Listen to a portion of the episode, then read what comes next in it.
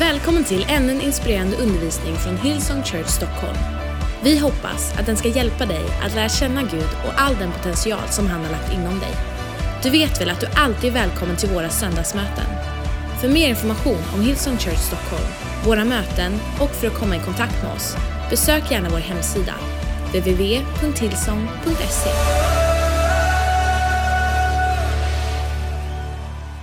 Vi ska gå in i del två i det som vi kallar Take Me to Church. Och jag kan bara säga att jag har ungdomsknäppning idag. Jag får knappt luft, det är fruktansvärt. Men nu har jag börjat så nu får jag ha det så. Det är första och sista gången. Jag vet inte hur de gör det, de som har det så. Förra veckan talade vi om Take Me to Church. Jag talade om att vår kyrka kanske först och främst inte är ett kryssningsfartyg utan en räddningsark. Jag pratade om vårt kas, varför vi är här. Att vi är här för att göra en skillnad. Vi är här för att möta dina behov på det bästa sätt vi kan. Även om ytterst sett bara Gud kan möta våra behov. Men han använder människor. Men vi är också här, för, kanske mer än något annat, för att se till att människor som idag inte vet vem Gud är, ska få upptäcka vem han är. Idag ska jag tala del två av Take Me to Church. Jag vet att det kan bli rött. Om du kollar på en podcast så finns det redan en del två där. Det är klockan 17 predikar jag alla de punkterna jag skulle predikat 11 men aldrig hann till. Vi får se hur det går idag. Så det här är egentligen del två. Typ. Är det glasklart?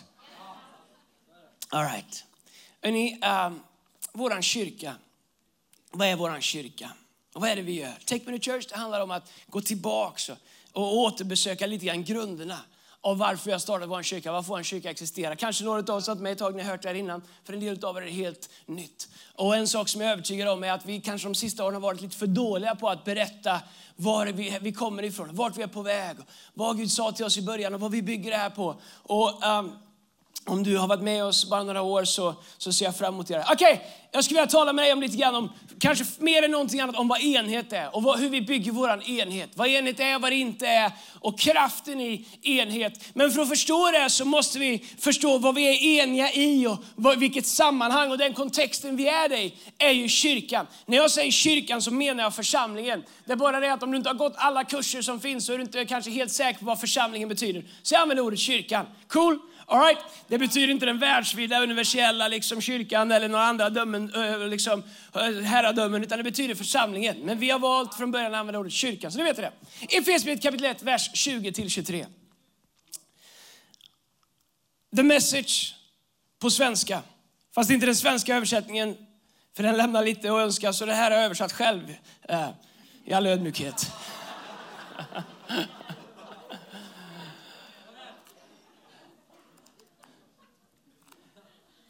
All denna energi kommer från Kristus.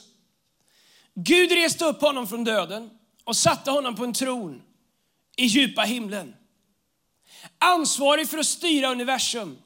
Allt från galaxer till regeringar. Inget namn, ingen kraft undantas från hans styre. Och inte bara för denna tid just nu, utan för evigt. Han styr överallt. Han har sista ordet i allt. I centrum av allt detta styr Kristus kyrkan. Du förstår, kyrkan är inte, perifer, är inte perifer till världen. Världen är perifer till kyrkan. Du förstår, kyrkan är Kristi kropp i vilken han talar, agerar och fyller allting med sin närvaro. Det finns tre delar i det här bibelordet som jag skulle vilja att du får med dig ifrån det här. Som är ett av de mest fundamentala bibelorden om vår kyrka. Det första är att det deklarerar vem Kristus är och vart han är positionerad. Att Gud säger att han är positionerad i, i, liksom, i centrum av allting, i himlen. Ansvarig för att styra universum, allt från galaxer till regeringar. Att han har sista ordet i allt. Att inget namn och ingen kraft är undantaget hans styre. Det innebär att vi har att välja att förhålla oss till det. Att det finns inget namn som är större än hans namn. Cancer är inte större, förkylning är inte större, arbetslöshet är inte större. Ingenting är större. Vi kanske måste hantera vissa saker därför att det finns ett glapp mellan vad vi mänskligt sett kan förstå och se och mellan vad han långsiktigt kommer göra som vi ser över tid. Men först och främst så är det ett beslut som vi fattar att bejaka det. Och om vi inte gör det så kan vi strunta allt annat. Vår kyrka bejakar att det finns inget annat namn. Det finns ingen annan kraft som är större än namnet och kraften Jesus Kristus. Det är det fundamentala, det viktigaste i vår kyrka. Sen så går det vidare och talar om, om att han regerar. Och inte bara då, utan nu och för evigt. Han talar om att han styr över allt, har sista ordet i allt. Så går han vidare och talar om att kyrkan är inte perifer till världen, utan att världen är perifer till kyrkan. Vad betyder det? Om du har hängt med ett tag så har du sett mig göra den här bilden många gånger. Jag ska göra den igen lite snabbt här. Det är väldigt enkelt att tänka att vi är liksom en liten utvald skara som Gud har räddat bort ifrån världen. Har du vuxit upp i kyrkan, kanske här, du är medelålders, du vuxit upp i kyrkan, har varit med under tider där man pratar väldigt mycket om ord som helgelse, ord som eh, olika saker fram och tillbaks och, och, man känner att man får inte ta, man måste bort ifrån världen, man får liksom inte förföras av världen och, och allt det är är sant. Och, eh, förutom att man ibland gör liksom en maktbalans som gör att liksom världen och Gud är ungefär lika starka och det är 50-50 hur det kan gå. Och när jag växte upp så, så pratade man om världen världen. Vi, vi, vi låter den se ut så här just idag. Eh, världen. Och sen så pratar man om kyrkan. Och den var ganska liten och den var här. Och jag växte upp i kyrkan. Men jag, vill se, jag vet inte om ni ser det. Ni kanske kan få upp det på någon, I don't know. Vi försöker få med det i city också. Eh, alla ser, alla. Lyssna bara, okej. Okay. Jag växte upp i en liten kyrka. Farfar var pastor, pappa var sångledare, mamma var, var, var söndagsskollärare. Och och vi var fyra barn som sjöng som eh, familjen eh, Von Trapp, eh, stod vattenkammat och sjöng. Och de hade någonting på lördagskvällar som kallades för strängmusik. Fruktansvärt. Men det var fint, mycket hjärta bakom. Men tänk dig tio mandoliner, en sådär åtta fioler, eh, massa gitarrer och ingen stämapparat. Det här var inga, innan stämapparaten fanns. Någon gav ett, liksom, ett oktav, eh, två stycken E på ett piano som inte stämde i sig självt. Och sen så började alla jobba sig så nära man kunde. Och sen med sjukt mycket hjärta, det var underbart, så drog man igång låtarna. De började aldrig riktigt, man liksom vevade lite igång dem och så föll folk in i dem allt eftersom. Och sen slutade man lite allt eftersom också. Hade någon feeling så körde man bara. Jag kommer ihåg, det, lät, det var härligt men det lät fruktansvärt. Jag fattar inte hur kan det låta så hemskt när jag blev äldre så, upp, så uppfann de stämapparaten och jag förstod exakt vad det är. Vi är begåvade med hyfsat gehör i vår familj. Men det som hände var, lördagskvällar var fantastiska för där i Pingstkyrkan i Tidaholm, där stod vi på trappan. Den går, den är ungefär 10 centimeter hög. Och där trappan slutar så börjar trottoaren till det som kallas för Nya torget. Där vänder Ströget. Där åkte alla raggarbilar. Oh, vad min dröm var att bli raggare. Allt jag ville var att bli en raggare. Ha skinnväst, ha en rävsvans som hängde antingen här eller från antennen. Ha en bil som jag kunde sänka. När vi sänkte bilar på den tiden så tog vi bara en vinkelslip och skar av en tre, fyra ringar på fjädringarna så de sjönk ihop.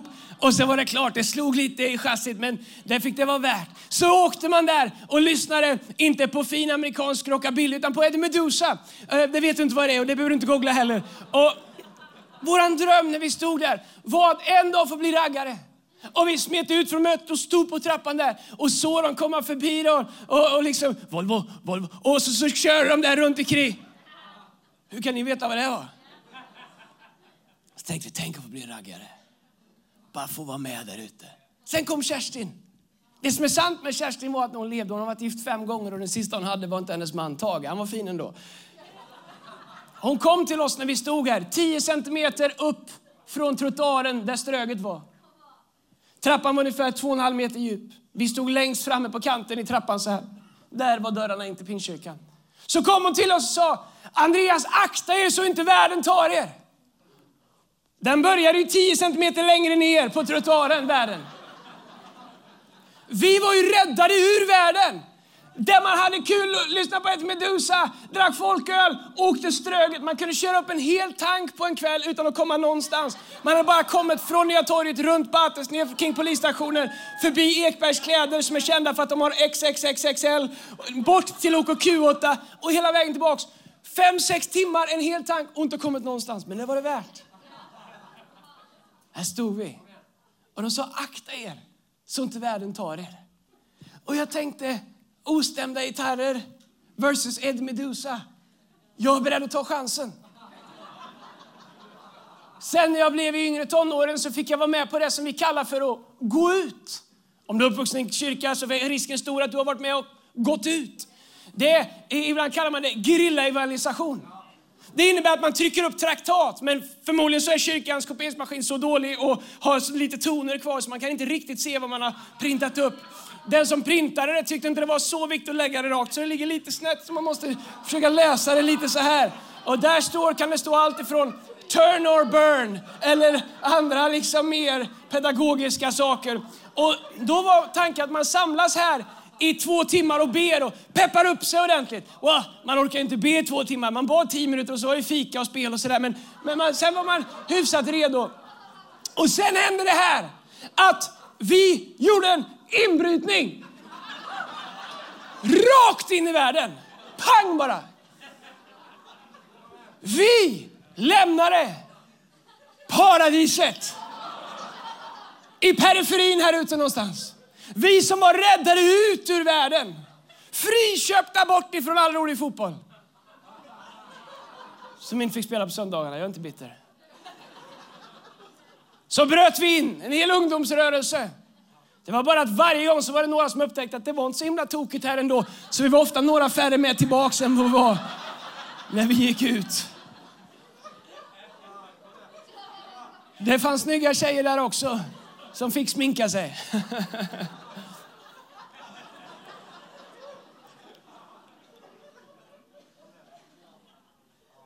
Så blir man frälst så blir man räddad ut ur världen. Utvecklar egna band, Utvecklade egna låtar, egna saker. Hade allting som världen hade fast med ett kors på. Och utan bra melodier. Eller ibland bra melodier. Men vi utvecklar ett utanförskap där målet är att rädda människor ut ur världen till det vi är. Medan Paulus säger att så är det inte. Vad är det Paulus säger i Efesierbrevet? Han säger att kyrkan är inte i periferin till världen. Det som händer när du blir frälst när du tar emot Jesus är inte att oh, nu får jag inte vara med längre, nu är vi här ute i norra hamnar jag. här ute på en parkeringsplats i Arlanda stad. Det som händer det är att Bibeln säger att kyrkan är i centrum. Att världen är i periferin. Det som händer det är inte att du inte längre är i världen. Vi är i världen. Vi är inte som världen. Vi lönar inte ont med ont. Vi håller inte fast i oförlåtelse. Vi, vi, vi, vi, vi, vi, vi går två mil om någon ber oss gå en mil. Vi är annorlunda. Vi är inte bättre. Vi har bara upptäckt mer nåd. Vi är inte finare människor än våra grannar. Vi är bara, vi har fått mer nåd. Vi är, inte, vi är liksom inte präktigare än andra. Vi har bara bejakat den nåd som vi allihopa behöver. Vi är inte separerade. Vi är, vart ska man lysa? Här ute för oss själva. Han är likadan idag och det är jag med. Här ute. Nej, här. Ljuset lyser i mörkret och mörkret får inte makt med det. Vi är inte kallade, Hillsong Church Stockholm. Vårt mål har aldrig varit att skapa någon slags separatistgrupp som ska leva här långt ute bland de heligaste av de heligaste. Jag är tacksam att jag inte är pastor över en kyrka med bara superheliga människor utan att jag fick er.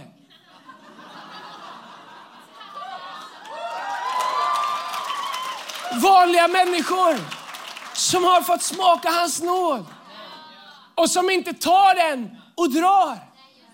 Utan som säger, medans jag blir mer av vad Kristus har kallat mig till, så kan jag bli använd av Gud. Så när kan Gud börja använda dig? Samma sekund som du tar emot hans förlåtelse, så är du en del av hans plan.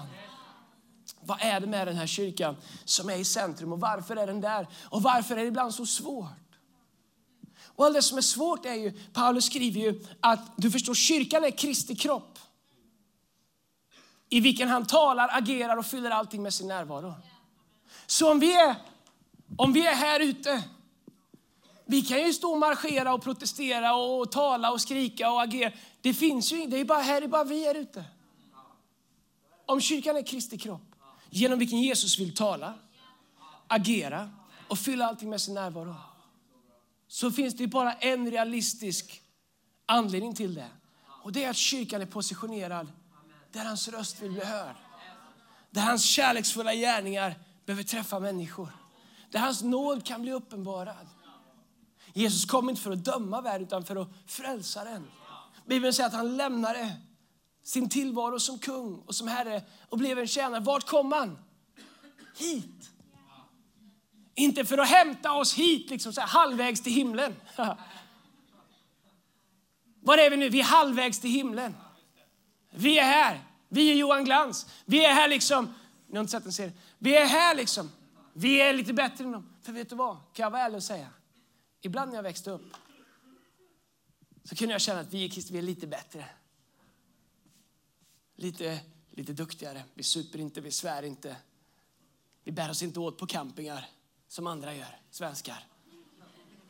När jag åker till Mallorca då är jag minsann inte som de där svenskarna. Vet du, du är inte bättre. Det finns ingenting med dig som är bättre eller med mig som är bättre. Det enda som är bättre i mig, det är allting vad Gud är i mig. Det finns ingenting med mig som är bättre än någon annan. Jag har ingenting att berömma mig av. Ingenting.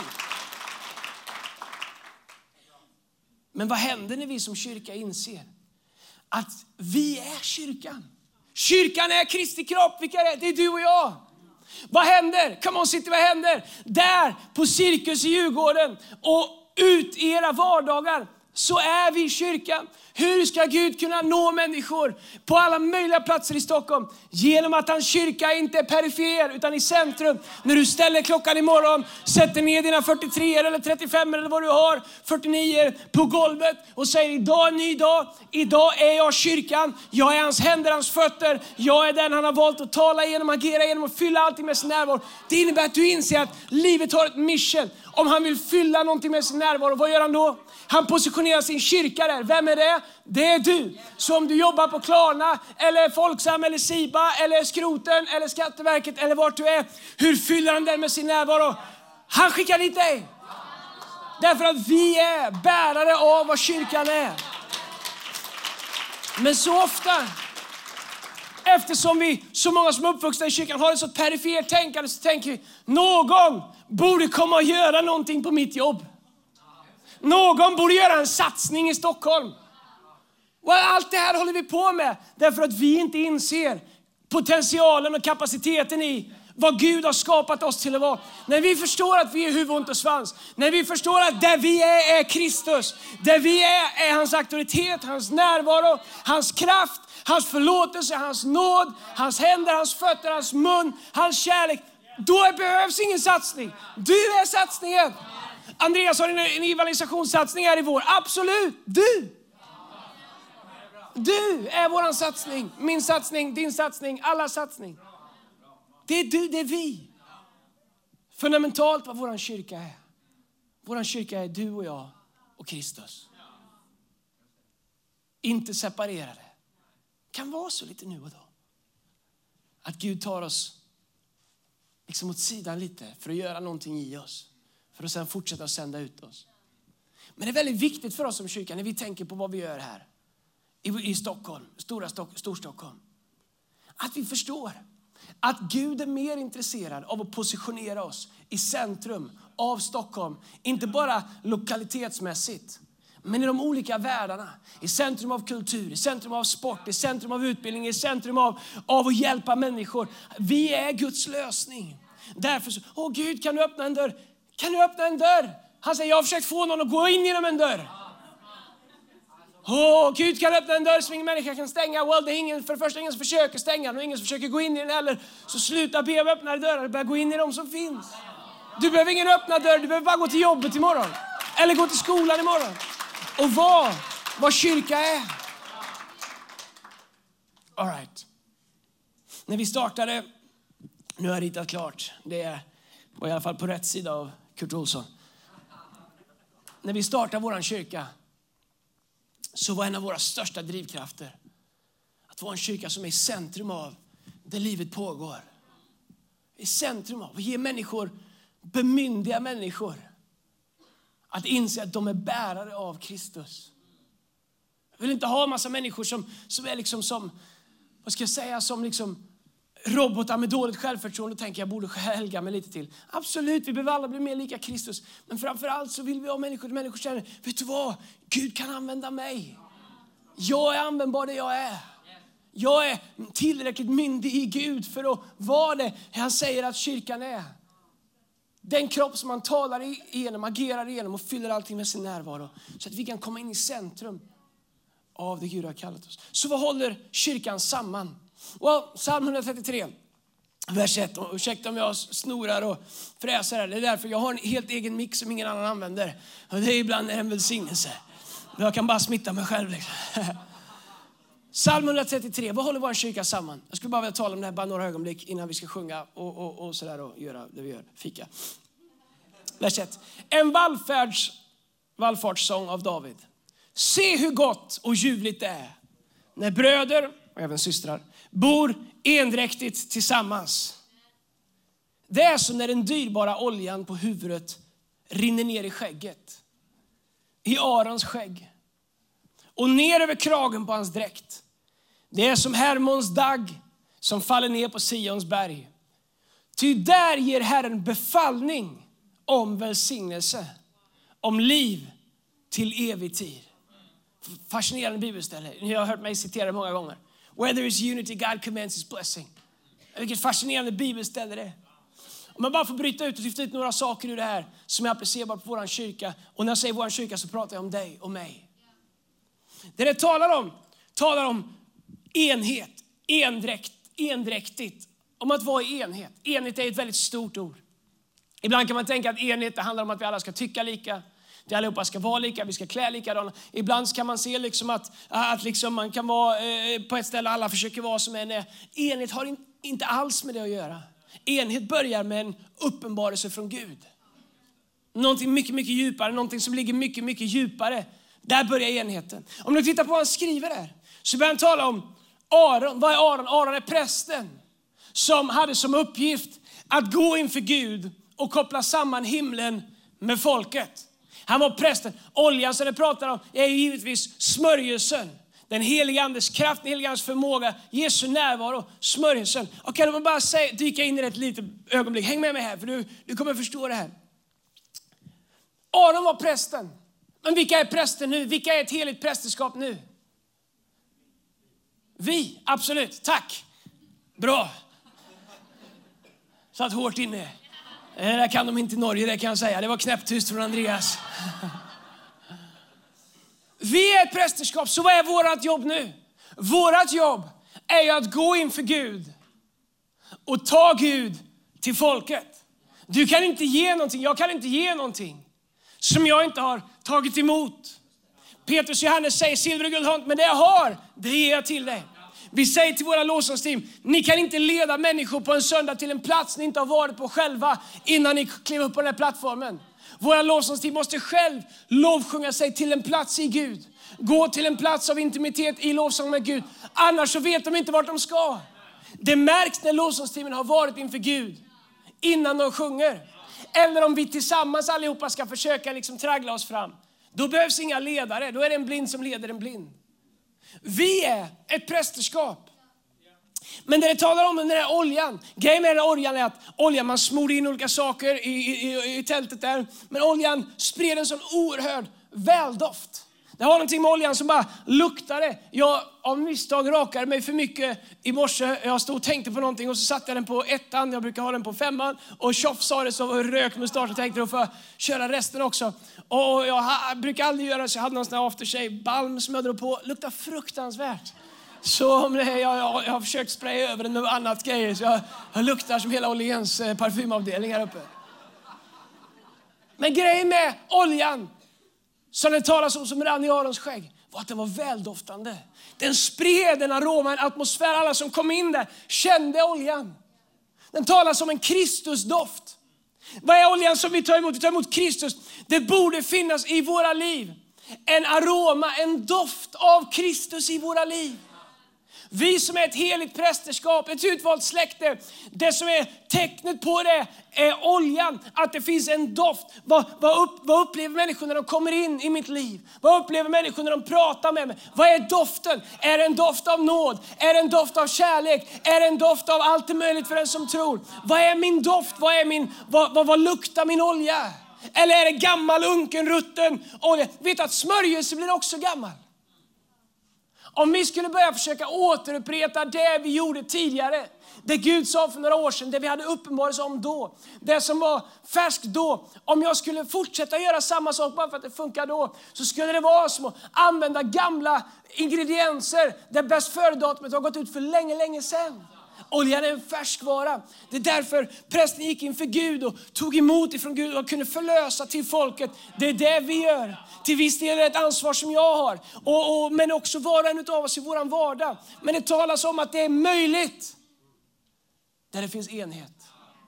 Att enhet är vägen in i att oljan flödar. Att enhet är vägen in i Kristusdoften.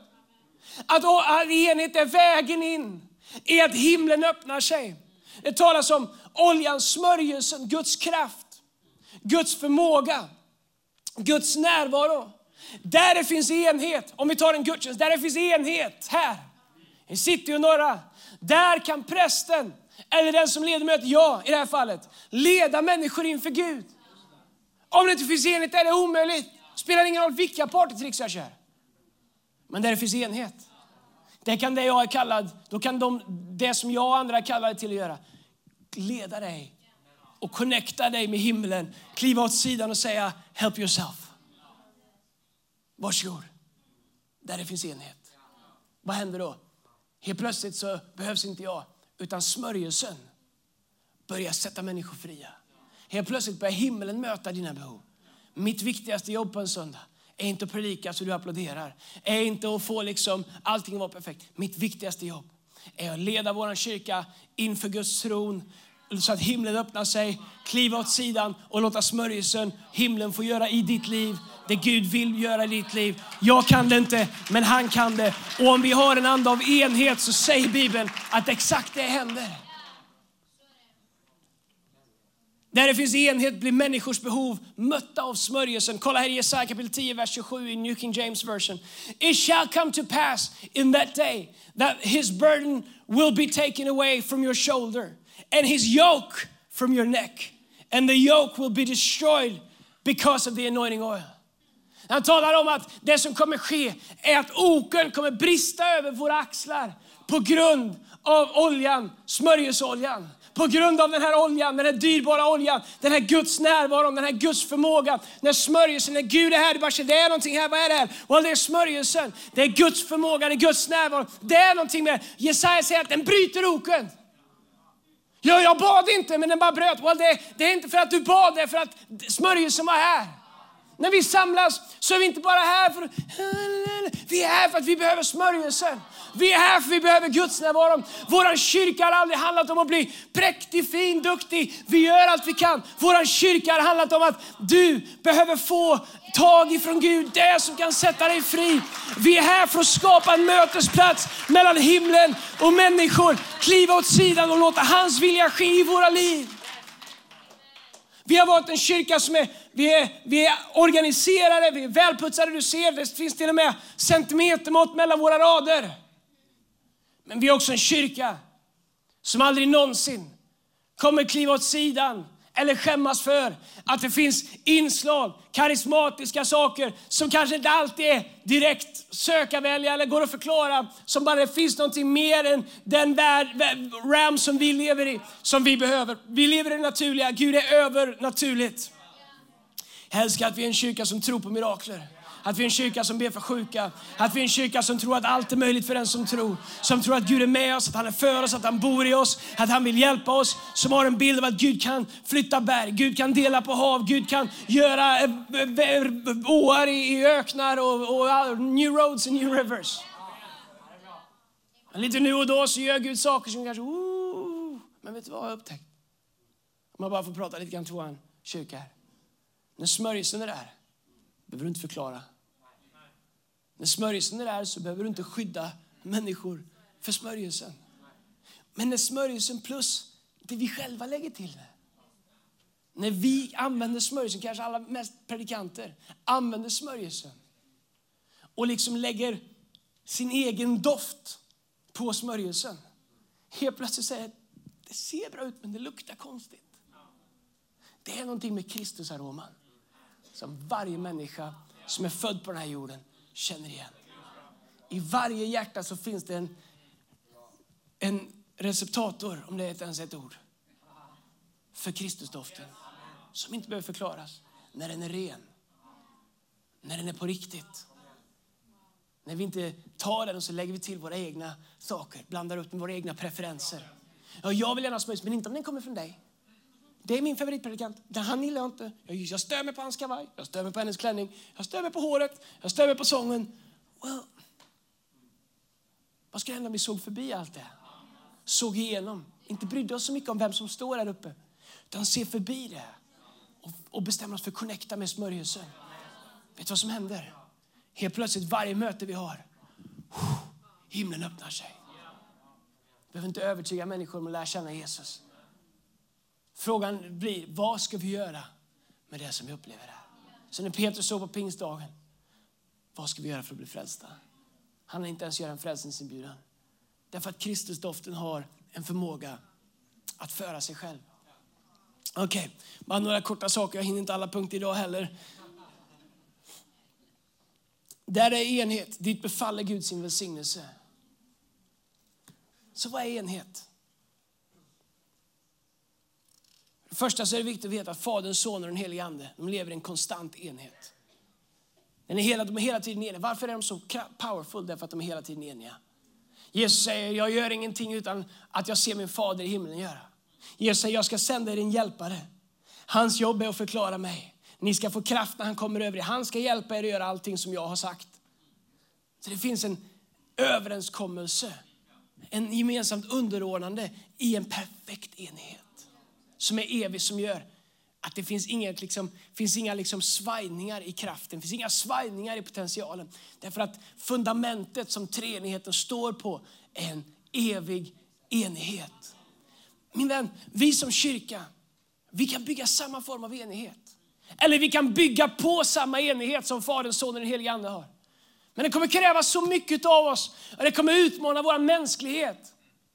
Därför vår mänsklighet är så annorlunda. Och min också. Sitter i samma båt som ni gör. Min mänsklighet vill liksom få det att handla om sånger, tolkningar, personligheter, bla bla bla bla bla. Vi vill liksom katalogisera. Vi vill liksom separera. Vi vill, ja jag gillar inte det, det gillar jag Och sen så helt plötsligt så dras vår enhet isär. Vad skulle du vara beredd att leva med? Som kanske inte är din högsta preferens. Om det bidrog till vår gemensamma enighet som frigjorde smörjelsen och Guds namn. Vad skulle du vara beredd att leva med? Skulle du vara beredd med att vi ibland sjunger låtar som du inte gillar? Skulle du vara beredd med att leva med att någon trampar dig på tårna lite nu och då? Skulle du vara beredd på att kunna leva med, orka och stå ut med att du lever med en fullkomlig Gud men en massa ofullkomliga efterföljare? Vad skulle du vara beredd att orka med för imperfektioner och leva med för att säga, vet du vad, det är värt för mig att höja mig över det för att vara med och bidra och slåss för enheten som frigör det enda som sätter människor fria. Här i våran kyrka när vi startade, det har aldrig handlat, faktum är att vissa saker som vi gör idag som du stör dig på, om du bara lugnar dig så har vi lärt oss om sex månader gör vi inte det mer. Men om du lämnar nu så förlorar du två gånger. Vi lär oss, vi utvecklas. Din connect blir bättre, din Connect-klubbsledare utvecklas. Jag utvecklas. Vi ser saker, vi lär oss. Men vad är du beredd att leva med? Jag måste ställa mig frågan, jag ser tusen saker jag behöver fixa. Men jag inser, vad är det viktigaste just nu? Att vi kan leva med några av de här sakerna för att leva under en öppen himmel just nu. Där enighet råder, dit befaller Gud sin välsignelse. Det är inte så att där enighet råder, dit kan det bli lite skönt, lite gött. Dit befaller Gud sin välsignelse. Vet du vad det betyder? Det betyder ditt liv. Det betyder inte att vi får ett extra saligt en och en halv timme på söndagar. Nej, det är ju ditt liv, din vardag vi pratar om. Ditt äktenskap, ditt jobb, din ekonomi, dina drömmar, dina barn, din framtid, dina barn. Det är ditt liv som blir välsignat. Det är ju dit han befaller sin. Det är inte så, åh, det är, Guds, det är enigt rådet, dit skriver de lite bättre sånger. Det är ju inte det. Det sker också. Det är din vardag. Det är dina drömmar, det är din relation med din fru och din man, dina barn, ditt företag. Det är ju välsignelsen som kommer över oss tillsammans i enhet. Men jag får jobba för applåderna då. oenighet i applåderna. Nej, jag skojar. Tre saker avslutningsvis som vi är eniga kring. Jag inser att det här är mer av en liksom DNA-kvällen, söndag förmiddag kanske. That's fine. Tre saker som vi enhet, bygger vår enhet på. Enda tre sakerna som är viktiga. Nummer ett, enhet i namnet Jesus. Enhet i namnet. Matteus 18 och 19 och 20 säger, vidare säger, om två av er här på jorden kommer överens om att be om något, vad det än är, så ska de få det av min fader i himlen. Ty där två eller tre är samlade i mitt namn, där är jag mitt ibland oss. Vår enhet bygger på namnet. På hans namn. Inte på våra förflutna. Inte på vart vi är på vår resa. Inte på våra imperfections. Vi bygger det på namnet. Om allihopa lyfter blicken, sluta titta på varandra, vi lyfter blicken, fäster det på namnet, så har vi hittat den bästa grunden för vår enhet. Poängen är att vi är överens i Jesu namn, inte i varje detalj. Vi kan leva med detaljerna, men vi är överens i Jesu namn. Det är därför djävulen vill att vi ska bygga saker efter våra egna preferenser. Åh, oh, jag fattar exakt varför han vill det. Varför han vill att vi ska bygga det. Men jag vill ha det så, men jag vill ha det så, men jag vill ha det så. Då köper jag en synt och startar eget för jag vill ha det så här och jag vill ha det så. Ingen enighet, ingen kraft. Men om vi skulle bestämma oss för att samlas under no other name än Jesus Kristus. Nummer två, enhet i uppdraget. Det står så här, första eh, Apostlagärningarna 1-8. Men när den helige Ande kommer över er ska ni få kraft att bli mina vittnen i Jerusalem och hela Judeen och Samarien ända till jordens yttersta gräns. Jag har läst det här miljarder gånger. Kanske, oh, förlåt, Gud, ska inte, åtminstone inte plats hundratals, minst, gånger. Sen läste jag det igår. Jag såg en sak som säkert alla här har sett, men inte jag.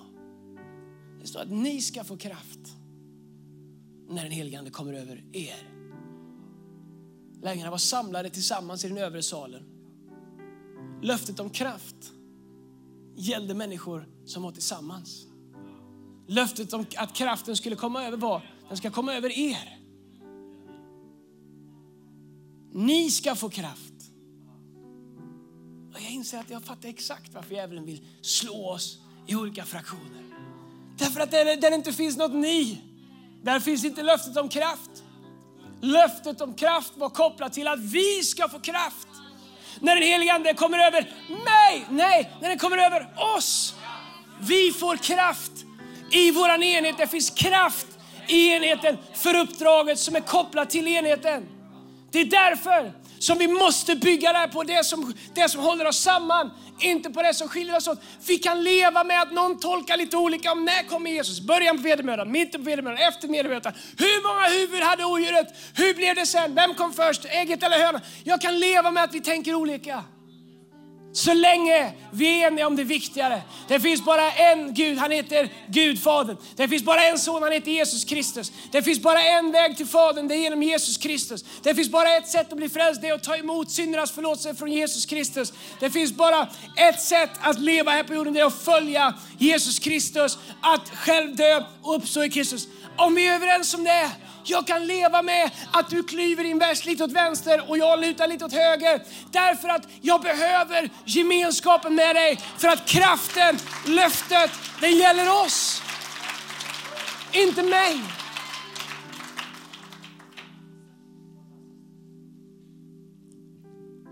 Nummer tre och sista. Väl, enhet i välkomnandet. Kolla här i Fesbrevet kapitel 2, vers 19. Vårt uppdrag. Älskar det bibelordet. Message, min översättning. I all enkelhet. Ni är inte längre kringvandrande flyktingar. Undrar om det här bibelordet någonsin har varit mer aktuellt. Detta rike av tro är nu ert hemland. Ni är inte längre utanför eller främlingar. Du är hemma här.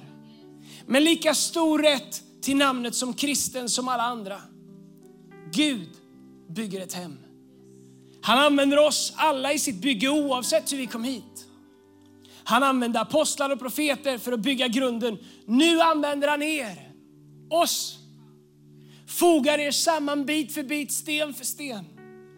Med Jesus Kristus som hörnstenen som håller samman alla delar. Vi ser det ta form dag för dag. Ett heligt tempel byggt av Gud. Där vi alla är inbyggda i ett tempel där Gud känner sig hemma. Vad talar han om? Han talar om församlingen. Han säger att vi är inte längre innanför eller utanför. När jag växte upp så sjöng man en sång. Innanför eller utanför, vart ska du stå en gång? Och så stod man där livrädd. Är jag innanför? Kom Jesus! Jag kommer hem, man är helt själv och tänker nu har Jesus kommit, jag är kvar. Måste ringa det kristnaste jag känner. Om någon svarar så hade han inte kommit, då kunde man andas ut. Det var 50-50 om jag skulle få följa med dig. Jag var inte helt övertygad. Innanför eller utanför? Är du innanför eller utanför? Jesus, vad, vad, vad, vad säger Paulus? Ni är inte längre främlingar. Du är hemma här. Ni är inte längre innanför eller utanför. Han säger att detta rike är nu ert hem. Att Gud bygger in oss här. Vet du vad, du förtjänar inte ens din plats. Gud bygger in dig i sin kropp. Det är inte ens vi som bygger det här. Gud bygger det. Om vi ger honom en grund av enhet att bygga det här på. Så bygger, säger han att han bygger ett tempel där han känner sig hemma. Vet att det är det viktigaste för mig med hela Hillsong Church Stockholm. Jag kan leva med att du lämnar. Jag vill inte. Absolut inte. Jag kan, jag kan leva med det. Jag kommer fortsätta. Men jag kan inte leva med att Gud inte skulle känna sig hemma i vår kyrka. Mitt viktigaste jobb. Gud säger att han bygger ett tempel där han känner sig hemma. Om Gud är här då är alla hans löften här. Om alla hans löften är här då är alla löften för ditt liv här. Om Gud är här då finns det alltid svar att få. Finns det alltid en källa att gå till för sina behov. Vägen in i allt detta är vår enhet. Vägen in i detta är vår enhet i Kristus. Där enhet råder, dit befaller Gud sin välsignelse. Så vi behöver bygga en kyrka där människor känner sig välkomna. Så frågan vi måste ställa oss är, vad känner människor när de kommer hit? Oh, här är det svårt att få nya vänner. Här måste man ha känt allihopa sedan 1977. Åh nej, jag var inte med när vi sjöng den sången heller. Jag har varit frälst i sex månader. Vi måste bygga ett hem där människor känner sig välkomna. Vi måste bygga ett hem där, åh nej tyvärr, vi är redan så många i vår connect-grupp, men lycka till, hoppas du hittar någon. Vi har aldrig för mycket folk i våra connect-grupper. Never! Det, det, det, är liksom nästan liksom, eh, det, det, är två straffsparkar i bak på den som säger att deras connect-grupp är full. Även om det bara är en gång tills vi hittar en annan connect-grupp. Vi är aldrig full. Vi har alltid open house, vi har alltid öppna och vi har alltid plats för människor i våra liv. Åh nej, vi behöver inte mer människor i våra team. Det är klart vi behöver mer människor. Hellre för många än för få. Därför att det handlar inte bara om att göra sakerna rätt, det handlar om vår gemenskap tillsammans medan vi gör det. Vi byggs in i det här templet där Gud känner oss hemma. Här kommer låt oss bygga en kyrka där Gud och människor känner sig hemma. Det finns en anledning att det står där ute på väggen i norra och i alla våra campusar runt om i världen. Välkommen hem. Det är mer än en slogan. Det är inte en reklampitch. Det är essensen av vad vi vill att människor ska uppleva när de kommer in. Välkommen hem. Veckan har varit tuff, men nu är jag hemma. När du kommer hem, jag vill att det här ska vara ett sånt hem där du kommer hem känner att du kan sparka av dig skorna, ta av dig jackan, även om du har ett par LP-skivor under armarna och bara känna att jag kan knäppa upp lite grann. Jag är hemma. Jag, är inte, jag behöver inte prestera någonting. Jag behöver inte klä upp mig för att gå bort. Jag kan vara som jag är för jag kommer hem. Välkommen hem betyder relax. Du är hemma nu. Din TV, din fjärrkontroll, din soffa, dina gamla uttvättade träningsoverallsbyxor som du aldrig kommer slänga. Men jag älskar mina. Man är inte hemma förrän man har bytt om och tagit på sig dem. Dagen är inte slut förrän man har smugit ner i dem som Jag får ha dem gömda på ett speciellt ställe därför att jag hade ett par innan som jag älskade. De var stora i frotté och, och, och aprikosa. Men Lina, Lina försökte slänga dem hela tiden. Jag gömde dem hela tiden. Men en dag var de bara borta och nu har jag på andra som jag förvarar. Jag borde ha dem i mitt vapenskåp där bara jag har koden. Så ingen någonsin kan slänga dem. Kom on, ska vi stå upp tillsammans? Både i city, kom on, stå upp. Här i norra också. Tack för att du har lyssnat. Om du vill veta mer om Hillsong och mer om vem Gud är, kontakta oss gärna. Eller gå in på www.hillsong.se. Och kom ihåg, du är alltid välkommen till våra gudstjänster. Om du vill ha mer information och uppdateringar av pastor Andreas Nilsen, följ honom på Twitter, Instagram och Facebook där hans användarnamn är Andreas Nilsson.